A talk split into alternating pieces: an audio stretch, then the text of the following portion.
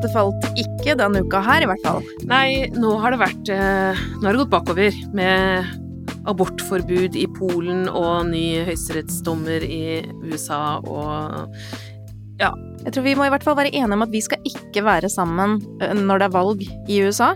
3. november. Jeg tror egentlig at det er sånn vi jinxer det. Hver gang vi er sammen når det er valg, så går det til helvete. Ja, vi har vært på to valgvaker. Første Ja. gangen var den første gangen når, eh, altså når den rød-grønne regjeringa falt. Og så var det den tragiske dagen for fire år siden, da.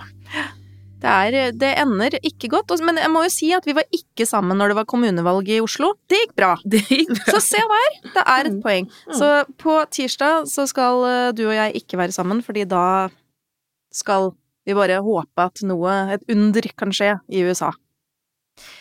Men i Danmark, der skjer det ting. Der ruller det virkelig. Altså, vi har jo snakka om dem flere ganger før. Først det, bare frustrasjon over at feminismen har ligget nede, og at metoo beit eh, veldig dårlig på danskene. Og så kom jo denne Sofie Linde-episoden. Skal Eh, si hun kickstarta den festen der ganske grundig. og, og, og at det skulle skje så fort, for at nå ruller huene liksom hver dag. Og det er ikke liksom småkarer heller. Det er eh, ja, hva, ordføreren i Kjøben, er det det han eh, Ja, ja, borgermesteren i Kjøben. ja, danske utenriksministeren Jeppe Kofod var, eh, var først, og han hadde, i 2008 da var han 34 år, da hadde han sex med en 15-åring i eh, ungdomspartiet. Det høres litt kjent ut. Det høres veldig kjent ut. Ja. Eh, og øyenvitner skal etterpå ha funnet 15-åringen gråtende på badet, eh, og så videre, og så har han prøvd å skjule det da. Så det er veldig, veldig likt noen av de historiene vi har hørt herfra. Ja, han er jo eh, nå herfra. politianmeldt for eh, dette forholdet også. mm. Litt på overtid. Ellers så er det jo han Frank Jensen, da, han ordfører i Kjøben og nestleder i eh, Sosialdemokratene, så han er liksom Arbeiderpartiets nestleder, da, på en måte. Og der er det jo enormt mye damer som har kommet og fortalt at han har eh, tafsa og krenka og vært eh, skikkelig kjip på alle mulige måter. Eh, Der har kanskje ikke statsministeren helt skjønt hva hun skulle gjøre når dette faktisk braka løs, for hun syntes jo at det var en skikkelig god idé å gå ut og minne folk på at selv om han slutta i jobben sin nå, så hadde han jo vært en kjernekar, da. ja. Han har gjort en god jobb lenge. Det er Man veldig bare Å, lord. Ja. Det er vanskelig å se det når det står nært. Det kjenner vi også igjen fra norsk Det metoo. gjør vi. Men da kan det kanskje være en god idé å sette seg ned, puste litt, tenke over saken og spørre folk om råd. Hva Mm. gjør vi nå? Mm. Eh, så vi håper at de kommer seg tilbake litt i vater igjen. Mm. Ja, dette, men dette var bare to, og så var det han sjefen for det radikale partiet, har også måttet gå nå. Eh, Så her er det helt på toppnivå hele veien, da. Pluss at det har begynt å spre seg til andre bransjer. Men det er jo fortsatt Altså, i Danmark så hadde man jo veldig lenge det her med at man nesten sånn nekta for at sånne ting eh, Mm. Enten at det skjedde, men mest av alt at det kanskje ikke var et så stort problem. Det gikk eh, veldig utover deres eh, selvbilde som en frigjort eh, Altså både som likestilt, men også som disse frigjorte, liberale Joviale Ja. og rause og alt er greit og Ja. Må ha litt sånn hverdagssexisme og hverdagsrasisme var innafor. Ja. De må egentlig skjerpe seg litt. ja men det ser ut som de gjør det. Nå gjør de det. De tar det. Litt på Mm. overtid, men det skjer nå. Ja. Men siden sist så har jo du også vært på Sakprosafestivalen. Den ble Ja. gjennomført. Den ble gjennomført. Jeg var jo rett og slett med å starte den for eh, åtte år siden, eh, og da trodde vi det var en sånn engangsting og måtte liksom virkelig be hvert år for at det skulle bli noe, og nå er det en tradisjon som alle forventer seg. Men i år så hang den jo i en tynn tråd. Sånn som alt av Som fysisk oppmøte Alt gjør. annet. Ja. Men det blei Det gikk veldig fint, og eh, var ganske mange programposter, og mm, pass... Eh, altså koronafullt heter det jo i disse dager. Ja, ikke sant? Koronafullt er Ja. når det er så fullt som det kan være. Ja. Og, og det, min, den posten som jeg deltok i, het eh, eh, Lønnet og ulønnet arbeid. Var den norske husmora en feminist? Ja. Det var jo da basert på eh, Iselin Teien sin bok 'Damene i Fjolveien', eh, som tar for seg Altså, hun er historiker, Iselin Teien, og hun har fått eh, tak i arkivene til en kvinneforening på Simensbråten. Det er ganske nærme der jeg bor, på østkanten i Oslo. Og de eh, har holdt på i Altså, det var en kvinneforening som holdt på i veldig mange tiår, og møttes der, og var jo da stort sett husmødre. Eh, Så det som er noe av hennes prosjekt, tror jeg, eller budskap, er jo at vi sitter kanskje igjen med sånn inntrykk av at disse husmødrene bare fløy rundt og tørka støv. Det kom jo en sånn film på 50-tallet som het Støv på hjernen, som liksom virkelig var med å befeste det der at det, de var hysteriske og bare gjorde unødvendige ting og, og tull og tøys, da. Ja, I hvert fall den norske varianten, og så har man jo hatt liksom den amerikanske varianten av Mad Men. Ja, du har noen av de, de husmødrene på... der løp rundt på høye hæler og røyka og drakk drinker mens ja. de gjorde sånne husmorting. Ja. Eh, og hadde kanskje til og med en hushjelp. I tillegg. Så, ja. mm. Nei, men eh, så her er det denne foreningen, da, de var jo øh, Gjorde jo veldig mye samfunnsnyttig. Var jo med å bygge samfunnet på mange måter med å Alt fra å starte opp barnehager til å lage i stand ting for eldre, samle inn penger til det som trengs.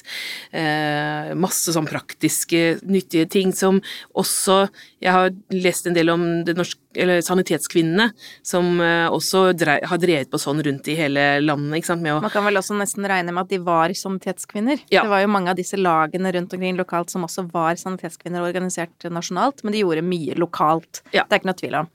Ja, så det var det Det er jo det denne boka handler om, men panelet skulle også løfte tematikken inn i dagens eh, Norge. Eh, så det var eh, også ja, en som het Ibrahim eh, Mursi, og en som het Habon Hashid. Jeg tror de har begge bakgrunn fra Somalia eh, og litt Sudan. Eh, og de eh, prata om de miljøene de representerer, da, selv om de har jo forskjellige historier, men hvor det er mange som er husmødre den dag i dag, av ulike årsaker. Og er eh, Snakker vi i dag om det å være hjemmeværende med liksom litt forakt? Det var på en måte et av temaene mm. da, fordi at eh, det mm, gjør vi jo kanskje i Norge, eh, og det handler litt om historien vår. At vi, det er en epoke vi er ferdig med. Mm. Og vi syns ikke at det å si at jeg vil Hvis en ung pike sier 'jeg vil være hjemmeværende husmor', så det, får hun jo ikke noe applaus for det. Av naturlige årsaker. Men, da ville vi kanskje sagt 'ja vel, ja, men skaff deg en utdanning'. og en jobb. og en jobb. Så kan du leke husmor. Men du kan jo snakke om liksom akkurat det der, for det blir jo, når du snakker om de nye miljøene, så mm. blir det jo den derre mener jeg snikrasistiske, at man nesten peker mere på de husmødrene. Nå seinest Sylvi Listhaug, mm. som Nå er jo ikke noen av oss noe fan av kontantstøtte, mm. men hun fant jo på denne ideen da at hvis man skulle få kontantstøtte nå, så måtte man først ha hatt en jobb. Og hvis ikke det er snikrasisme, så vet ikke jeg, for hun vet jo akkurat hvem det er hun prøver å ta. Mm. Så det blir jo litt sånn åh, Det blir så stygt at jeg syns det er helt ubehagelig. Det er jo for, for at de som faktisk trenger den eh, kontantstøtta eventuelt, da, selv om vi ikke syns at noen burde ja. Det er akkurat de skal ikke få den. Nei, uh, ja. og det er akkurat, og, og, vi vet akkurat, for hun vil jo liksom Ja, man skal helst ha hatt en liten jobb før man ble husmor nede på Sørlandet, og da er det greit. De som virkelig velger å være husmor, mm. uh, de skal kunne få denne støtten. De som velger det av disse verdiene som, som hun, hun, står for. Ja. Men hvis du uh, er husmor litt ufrivillig fordi du faktisk ikke er så god i norsk og har litt og mange sliter litt med å få deg en jobb, ja. rett og slett, fordi at du har språkutfordringer. Og, og mange unger. Ja. Eh, det er de som da ikke skal få være med ja. på den løsningen. Men dette snakket dere helt sikkert litt om. Vi snakka litt om denne typen ting, det var uh, interessant. Men jeg, min rolle i dette var jo litt å, å fortelle om eh, oppgjøret med husmorperioden, da, som er det jeg har skrevet mest om, 60-70-tallet. Og om den, eh, hvor viktig litteraturen var i dette. I Norge så hadde vi jo Bjørg Vik, hun var veldig sånn kanskje den mest hun var Norges svar på Betty Frieden, egentlig. Mm -hmm. eh, Betty Frieden med boka 'Myten om kvinnen' i 63 var jo den store oppgjøret med husmorperioden. Mm. Eh, det var jo en sakprosabok som tok for seg hennes eh, undersøkelser, hun var psykolog, og andres eh, forskning på at dette som man hittil hadde omtalt som en lykkelig situasjon for kvinner, og en drøm, eh, viste seg å være det motsatte. At det var veldig mye psykiske problemer blant hjemmeværende mm. amerikanske middelklassefruer. Ja, og det Betty Friedan sa også, at hvis jeg er så jæskla miserabel som jeg føler meg når jeg er hjemme, hvordan har andre husmødre det da? Mm. Ja, og hun hadde jo, måtte jo ikke engang være hjemme. Hun hadde Nei. jo et yrke. Ja, Nei, så det var liksom den typen eh, Hvor viktig det var å få satt ord på disse tingene. Bjørg Vik gjorde det her hjemme, både i egne egne bøker og, og gjennom bladet Sirene, som eh, de første numrene der var jo virkelig husmoroppgjør. Eh, og Marie Takvam, poeten, gjorde det. Svenske Sonja Åkesson, som vi har nevnt tidligere, med Vara Hvitmanns slav-diktet sitt. Det var liksom en kjempebølge av litteratur, som, eh, og, og Simone de Beauvoir selvfølgelig litt før det, da, eh, med sine eh, teorier om transcendens og immanens. Da er det jo litt mer på, på det intellektuelle planet, ikke ja, sant? Ja. Men, men, det var de samme tankene, men det var bare andre, et men Bjørg Vik fikk jo også veldig fikk jo gjennomslag, for hun skrev jo bøker som tok opp i seg disse temaene, og solgte jo kjempegodt. Mm. Så det var jo ikke noe tvil om at dette var noe som fikk resonans ute i befolkningen. Mm. Så det, det syns jeg øh, Altså liksom mitt budskap litt i dette hele er at ja, jeg, jeg støtter det som på en måte var formålet med Iselin Teins bok, og som mange andre også har løfta fram, nemlig at uh, vi ikke må undervurdere uh, hva husmødre har gjort, og hvor viktig faktisk det var, og den derre jobben for å profesjonalisere husmoroppgaven, da, som nesten alle disse tidlige kvinnelige feministene i Norge, Fernanda Nissen, Betzy Kjelsberg, Gina Krogh, de støtta jo husmorskolene f.eks., og var med å mm. bygge dem opp. Eh, og det handla jo om å eh, løfte dette arbeidet og vise fram at se, kvinner eh, gjør ikke ingenting, selv om ikke det telles i BNP. De gjør, ganske, de gjør mye, og mye av det er viktig arbeid. Så det har vært en del av feminismen også. Mm. Så dermed liksom denne tittelen, ikke sant. Men så kom vi til et punkt i samfunnet hvor det var blei reaksjonært øh, å løfte, holde fram den, dette idealet. Fordi mye av husmoridealet gikk jo på at din oppgave er som en støttefunksjon. Du skal støtte familien din øh, på alle mulige måter, og, mm. og, støtte mannen din, og digge helst. For hvis du leser Altså du har et ansvar, men det ansvaret er i hjemmet. Ja. Og det er jo tilbake til egentlig det originale spørsmålet her. Mm. Var, den, eh, var, husmoren en feminist? Eh, det var sikkert noen feministiske husmødre der ute, men eh, husmorrollen har ikke vært noen feministisk rolle, nei. Det er en birolle på mange måter mm. så, i forhold til mannen og resten av samfunnet. Så mm, nei. Men fikk du med deg at Radka Tonnef er blitt innlemma i Rockheims Hall of Fame?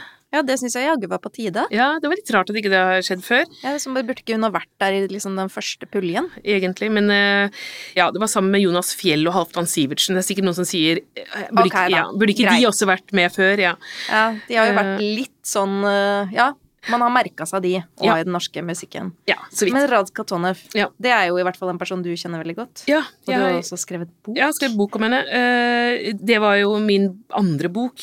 Mm. Eh, veldig mange år siden føles det som nå. Eh, da Altså jeg husker, men jeg hadde jo et forhold til henne fra før. Jeg ble faktisk spurt av Det var Kagge forlag, jeg ble spurt om å skrive den, men det var fordi jeg hadde skrevet noen artikler om henne i avisa. da.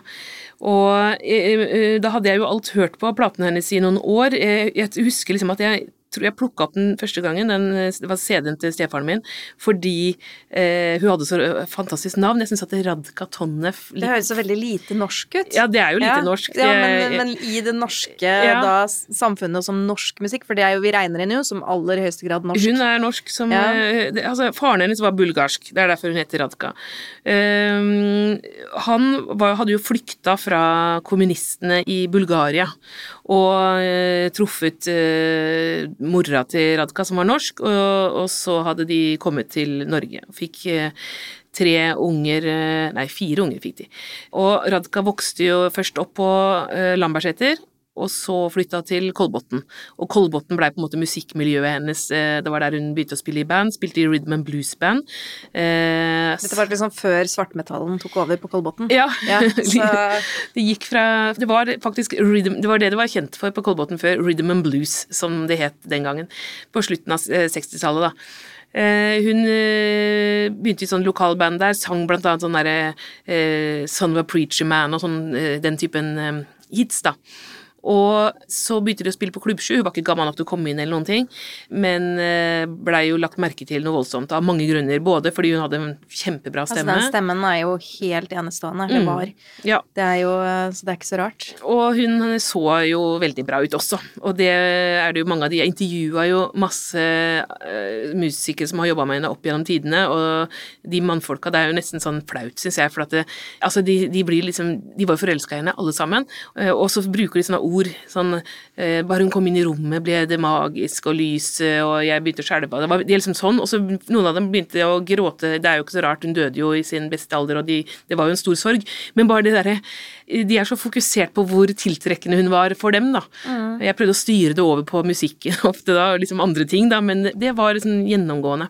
Jeg tror du ikke er, eller var en sånn person som rett og slett Du har jo noen sånne mennesker som har en sånn enorm energi, og det virker jo som hun var det, når du hører hvordan hun blir skildra. Absolutt, og det, jo, det var liksom min, en litt sånn utfordring for meg, som ikke liker å bruke sånne ord som eh, magisk, for eksempel, da, eller eh Jeg prøv, prøvde liksom å dra det litt ned på jorda, for eh, hun var jo en jente i 20-åra, hun var jo heller ikke Altså siden hun døde så ung, så er det også mange som har beskrevet henne som litt sånn skjør og, og en sånn liten blomst en liten fugl som man måtte være forsiktig med omtrent. Og det er liksom veldig, veldig langt fra sannheten. Hun var beintøff, og det er så gøy når man ser intervjuet med henne på eh, gamle liveintervjuer, at eh, det var stort sprang mellom den litt skjøre hun kunne virke foran pianoet med litt skjelvende stemme, men, eh, og når hun sitter og snakker på sånn bredt østlands med masse sånne jazzord, for det var liksom SES, det var veldig sånn, og hun var jo sånn bandleder, eh, styrte hele bandet sitt sjøl. Av de musikerne hun jobba med, var jo mye eldre enn henne og mye proffere enn henne i, i, første omgang. Eh, Arild Andersen, Jon Eberson, eh, Jon Christensen, mange av disse hadde spilt i i årevis, og hun skulle liksom eh, styre bandet. Og på den tida så var det nesten bare de damene som var i eh, musikklivet generelt, egentlig, og ikke minst jazzen, blei sett på som syngedamer. Det mm. var bare Du skal stå der og synge en standardlåt, og bortsett fra det, holde kjeft. Eh, sånn var på en måte litt holdningen. Men eh, Radka var liksom, som sagt, det var hun som var sjefen. Det het Radka Tonef Kvintett. Hun satte, bestemte store deler av repertoaret. Begynte etter hvert å skrive en del låter sjøl også. Eh, og hun booka spillejobbene. Satt på telefon.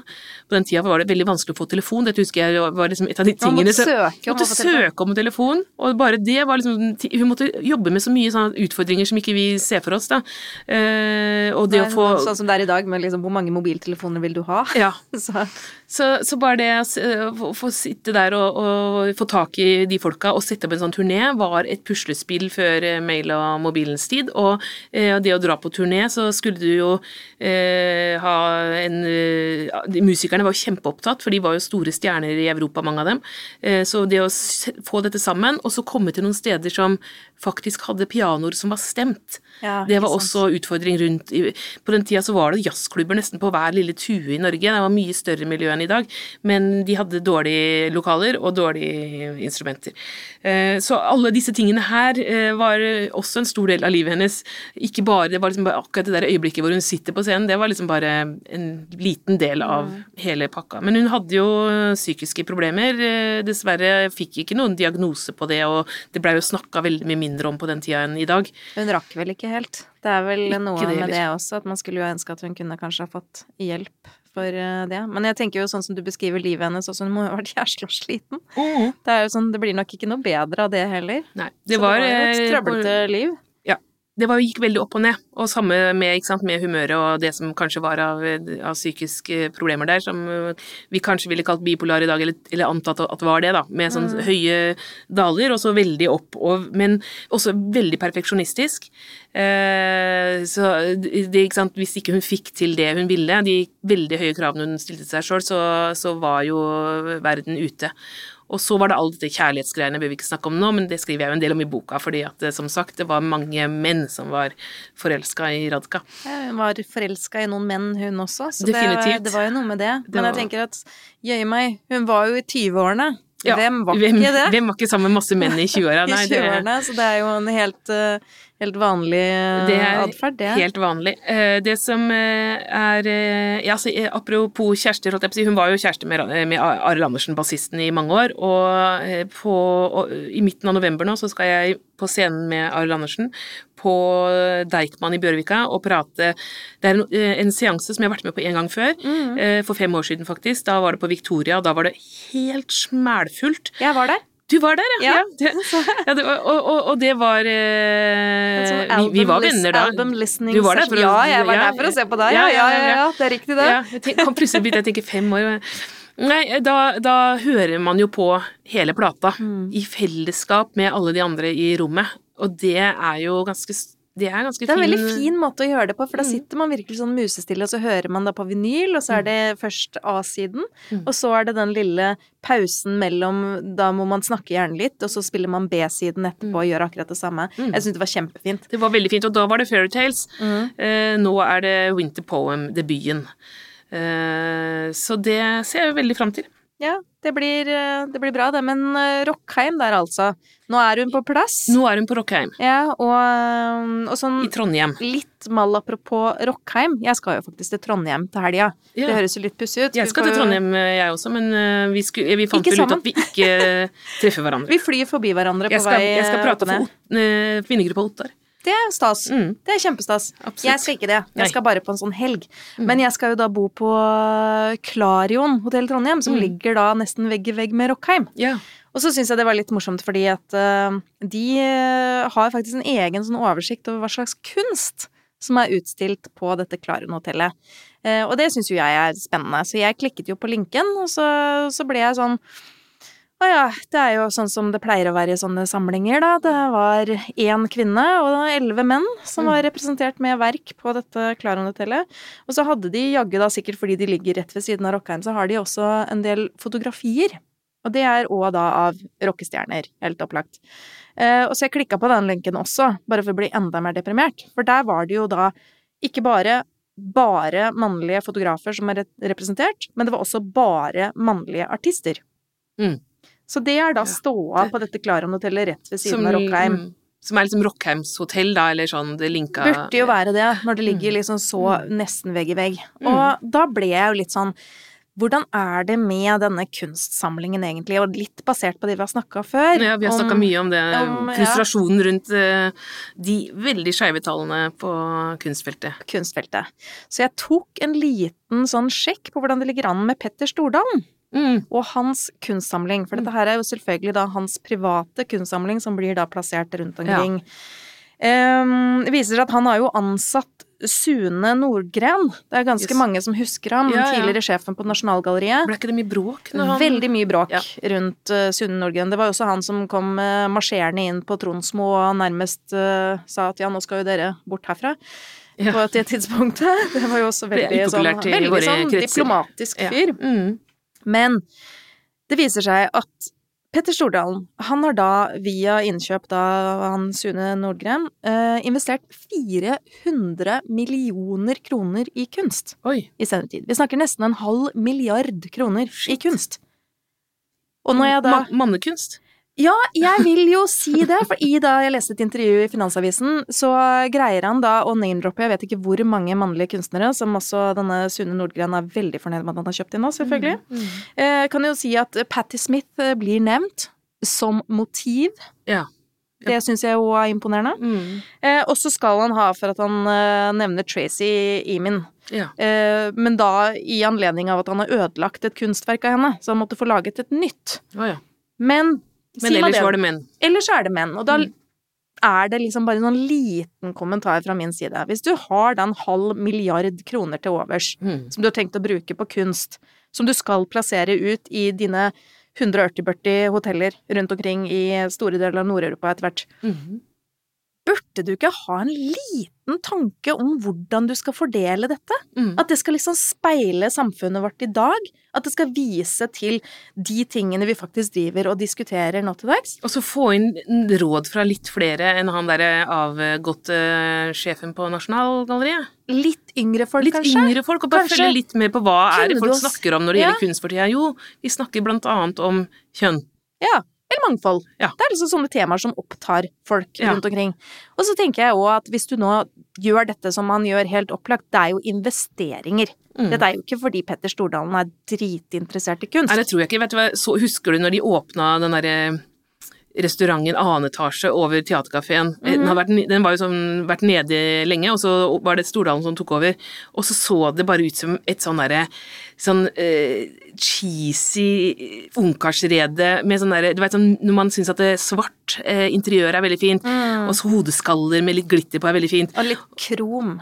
Ja, og så Ja. sånn derre bilde Sånn svært bilde av eh, Nærbilde av en kvinne med altfor mye sminkes øyne bare, som står og det, det, Jeg bare tenkte Det her var så harry.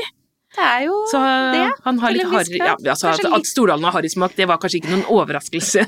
Nei, det, Men- det kan vi vel også si er ganske allment kjent. Ja. Men uh, la oss nå bare si at hvis Petter Stordalen hører på, kanskje vurdere å sette av en liten pott av de pengene til å eksempel sponse unge up and coming kunstnere, eller kanskje også vurdere at det kan være en god investering å kjøpe noe som ikke koster 50 millioner kroner, men kanskje bare 50 000 kroner, som kanskje også kan øke i verdi. Mm. Så det er bare et lite innspill fra oss. Ja. Tenk litt nytt. Litt mindre mannekunst i eh, disse Choice-hotellene. Litt mindre hodeskaller med glitter på og uniformsjakker. Husk at dere kan finne oss på Facebook, dere finner oss på Instagram, og dere kan også sende oss en e-post på patriarkatefaller at gmail.com. Du har hørt podkasten Patriarkatet faller av og med Marta Breen og Anette Garpestad. Teknikk og musikk ved Margarita Krimici. Og utgiver er Cappelen Dam Forlag.